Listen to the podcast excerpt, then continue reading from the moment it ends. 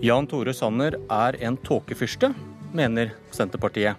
Det er umulig å få klart svar på hva regjeringen mener om folkeavstemninger og kommunesammenslåing. Eller er det svaret de ikke liker, og så setter de på røykmaskinen selv? Høyres ordfører i Lindesnes er derimot ikke til å misforstå. I vår skal 200 kommuner ha folkeavstemninger om sammenslåing. Lindesnes hadde sin rett ved påske. Og ordfører Janne Fardal Christoffersen, du går nå inn for kommunesammenslåing selv om det ble nei i folkeavstemningen. Hvorfor det? Eh, det er helt korrekt, og det er veldig enkelt. Eh, jeg har vært tydelig hele tida på at jeg er positiv til kommunesammenslåing. Det gikk jeg òg til valg på. Eh, som politisk ledere så tenker jeg at vi må tørre å være tydelige. Og vi har et ansvar i forhold til utvikling av kommunen, og vi har et ansvar for den oppvoksende generasjonen. Og så skjønner jeg at jeg kan virke litt arrogant. Det er jo veldig positivt at mine innbyggere er veldig fornøyd med kommunen og de tjenestene de får i dag. Men det handler om at Norge har forandra seg de siste 50 årene. Eh, og jeg synes Det er et godt eksempel at i 1964 besto min lille kommune på 5000 innbyggere av tre små kommuner. Det er ingen i dag som syns det var fornuftig. Eh, de syns det var flott at vi fikk slått sammen de tre kommunene. Det har skjedd en rivende utvikling de siste 50 årene. Nå er det igjen tida for å gjøre en endring. Men gjorde du det klart før denne folkeavstemningen, som dere faktisk da valgte å gjennomføre, på hvilke vilkår du ville følge det som ble resultatet? Eh, jeg tror jeg alltid har vært en veldig tydelig ordfører, og jeg har i mange år vært tydelig på at jeg ønsker en sammenslåing. Og jeg var også tydelig i forkant av folkeavstemninga på at jeg mente at det eneste riktige det var at vi bygde en ny kommune sammen med Mandal og Marnardal. Men hvis det, vært, eh, men, men hvis det da hadde vært veldig høy valgdeltakelse, og alle hadde sagt nei, hadde du likevel gått for en sammenslåing mot folkets råd? Eh, jeg var nok veldig redd for at det skulle bli som det ble, at det ble veldig lav deltakelse. Det var kun 40% av de stemmeberettigede som kom til valgurnene og som ga sin stemmer. Men hadde du gått mot folkets råd uansett? Ja, jeg har vært så tydelig hele tida på at jeg ønska sammenslåing, og at jeg mente det var det eneste rette. Jeg har gått til valg på sammenslåing, og vi gjorde et godt valg i Lindesnes kommune ved, ved valget. Marit Arnstad, parlamentarisk leder i Senterpartiet. Hva syns du om at Fardal Kristoffersen ikke følger resultatet av denne folkeavstemningen? Jeg syns det er veldig uklokt eh, av en ordfører som har invitert lokalbefolkninga til å si sin mening, eh, å være så kategorisk avvisende som det ordføreren her er, til å høre på det rådet som blir gitt i folkeavstemninga. For det første fordi prosessen lokalt trenger legitimitet, og folkeavstemning gir det legitimitet. Eh, men også fordi at dette er en prosess som har vært så styrt fra toppen av. Dette har vært fageksperter, NHO, en ivrig regjering som har sendt ut fylkesmennene til å presse kommunene, som truer med et inntektssystem. Og Nå tror jeg det er på tide at det er lokalbefolkninga gjennom folkeavstemningene som får lov å avgjøre disse spørsmålene. her. Og Da må du ta det på alvor. Eh, og selv om 40 deltakelse er litt lavt i norsk sammenheng, så er det på linje med det du har av valg til EU-parlamentet eller mellomvalg i USA. Eh, og jeg mener at det er et rimelig resultat som du også bør kunne følge. Fardal Kristoffersen. Ja, nå er det sånn at eh, Vi må se på det totale bildet. Det er faktisk sånn at Vi har hatt en folkeavstemning tidligere i forhold til retningsvalgene. Den fulgte til punkt og prikker. Vi hadde to alternative veier å gå. Eh, og jeg sa at jeg vil absolutt høre på mine innbyggere i forhold til hvilken retning vi går i. Og det gjorde jeg. Jeg hadde egentlig ønska meg en annen retning, men snudde umiddelbart når innbyggerne mine ønska å gå i en annen retning. Eh, så er det jo sånn at Vi har hatt en innbyggerundersøkelse. Og den innbyggerundersøkelsen der vi ringte opp faktisk hele 501 personer, den viste at det bare var 22 av innbyggerne mine som var negative til kommunesammenslåing. Men det åpenbare spørsmålet er hvorfor inviterte i hele tatt eh, kommunen innbyggerne til en folkeavstemning eh, dersom ordføreren er så kategorisk som det du er nå, på at du ikke ville ha ført det nesten uansett hvilken type valgdeltakelse det har vært, så hadde du ikke ville ha ført resultatet. Hvorfor ble folk invitert til å delta i en folkeavstemning i hele tatt? Nei, Det er noe sånn at uh, Politikk det handler om å prøve å få til noe sammen. Eh, og Der sitter ulike partier og det er ulike representanter i et kommunestyre. Eh, hos oss eh, var det et betydelig ønske politisk om å gjennomføre to folkeavstemninger. Ok, eh, Arnstad, Senterpartiet er knallharde på at man må følge resultatene i disse folkeavstemningene, som vi hører. Men da det skulle stemmes om EU-medlemskap for Norge, ville Senterpartiet at den skulle tolkes. Det måtte tas hensyn til hvor stort flertallet var. Akkurat det samme argumentet som Fardal Kristoffersen har brukt. Ja, men altså, EU-avstemninga var tross alt en suverenitetsavgivelse etter Grunnloven. Lokale Man skulle tro det var det lokale, samme som skjedde nå med den argumentasjonen lokale, dere bruker? Lokale folkeavstemninger er veldig vanlig i Norge. Det har vi hatt veldig mye av. Vi har hatt over 1000 stykker i løpet av det siste hundreåret. Og og, og det angår nettopp sånne ting som målsak, avholdssak, kommunesammenslåing, grensejusteringer.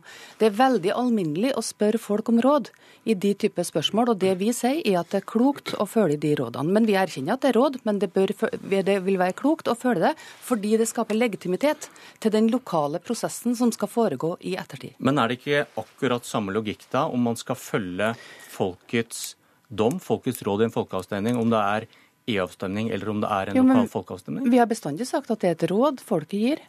Men vi syns jo at det er fornuftig at hun da også vurderer og tar alvorlig det rådet. Og her sier jo ordføreren at uansett hvilken valgdeltakelse det ville vært, så ville hun ikke ha tatt rådet til følge.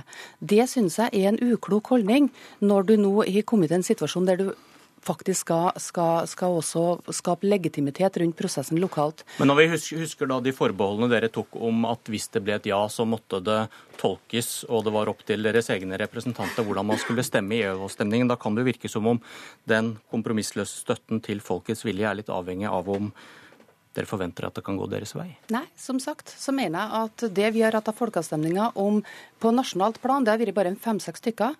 Det har ofte dreid seg om suverenitetsavgivelse. Etter, Men det er argumentet dere bruker med kommunene nå, at dette er den største sentraliseringsreformen og at, de får, at, det er nettopp det dere har argumentert med i EU-kampen. Men altså, så har vi sagt at når det er suverenitetsavgivelse etter Grunnloven, så er det et råd. Eh, og det rådet må vurderes. Vi sier ikke at kommunestyret ikke skal vurdere folkeavstemningene lokalt, men vi sier, at, sånn vi sier at når det gjelder lokale folkeavstemninger, så har du en tradisjon i Norge der du har hatt lokale folkeavstemninger om en rekke ting. Over 1000 lokale folkeavstemninger i løpet av det siste århundret. Og det er klart at den den tradisjonen og det, det, det tillitsvotumet som det gir lokalt til viktige saker, det har du hatt brukt veldig mange ganger. Det er veldig ofte brukt. Det eneste partiet som ikke liker det i Norge lokalt, det er Høyre. Og det, Derfor så har Høyre også vært veldig klar på at de frarår alle folkeavstemninger lokalt, selv om det er en veldig vanlig tradisjon i Norge. Kommunal- og moderniseringsminister Jan Tore Sanner fra Høyre. Hva tenker du om Senterpartiets kritikk av Høyres ordfører i Lindesnes?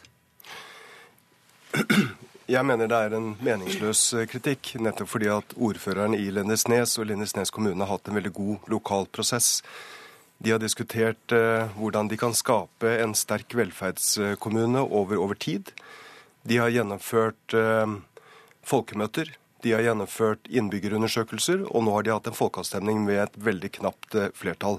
Og da er det til syvende og sist lokalpolitikerne som må ta beslutningen. Det som ligger fast, det er at innbyggerne skal høres.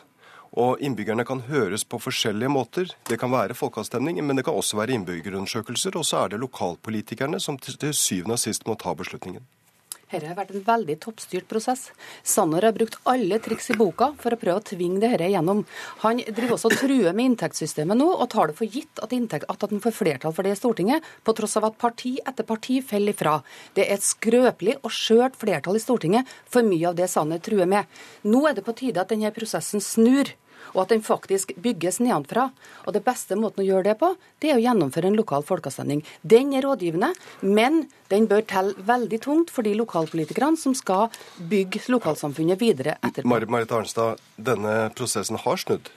For nå er det nesten 200 kommuner som har inngått intensjonsavtaler. Og det er lokalpolitikere fra alle partier, fra Senterpartiet, via Høyre og Arbeiderpartiet, som har satt seg sammen for å diskutere hvordan kan vi skape levende lokaldemokrati, gode velferdstjenester i hele landet, også i fremtiden. For Senterpartiet later som at alternativet til kommunereform er at alt blir som det var. Det gjør ikke det. Alternativet til kommunereform er sentralisering, og det innebærer at eh, staten må inn og styre sterkere.